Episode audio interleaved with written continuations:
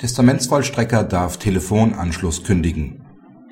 Ein Testamentsvollstrecker ist berechtigt, einen zwischen dem Erblasser und einem Telefonanbieter geschlossenen Telekommunikationsvertrag zu kündigen, sofern der Verstorbene das Telefon im Pflegeheim nutzte. Die Erblasserin hatte einen Telekommunikationsvertrag mit einem Telefonanbieter geschlossen.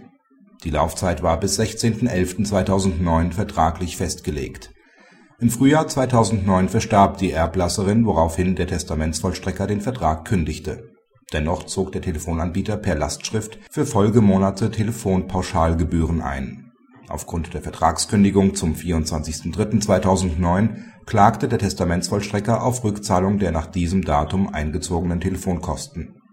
Das Amtsgericht Rüsselsheim stellt fest dass durch die Kündigung des Telefonanschlusses das Vertragsverhältnis zum 24.03.2009 beendet war und spricht den Erstattungsanspruch wegen ungerechtfertigter Bereicherung nach § 812 BGB zu.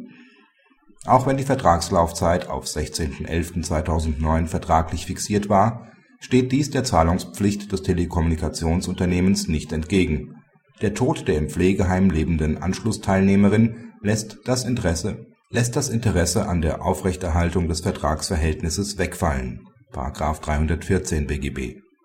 Die Erben können den Telefonanschluss nicht nutzen, andernfalls hätten sie in das Pflegeheim übersiedeln müssen, was weder logisch noch wirtschaftlich gewesen wäre.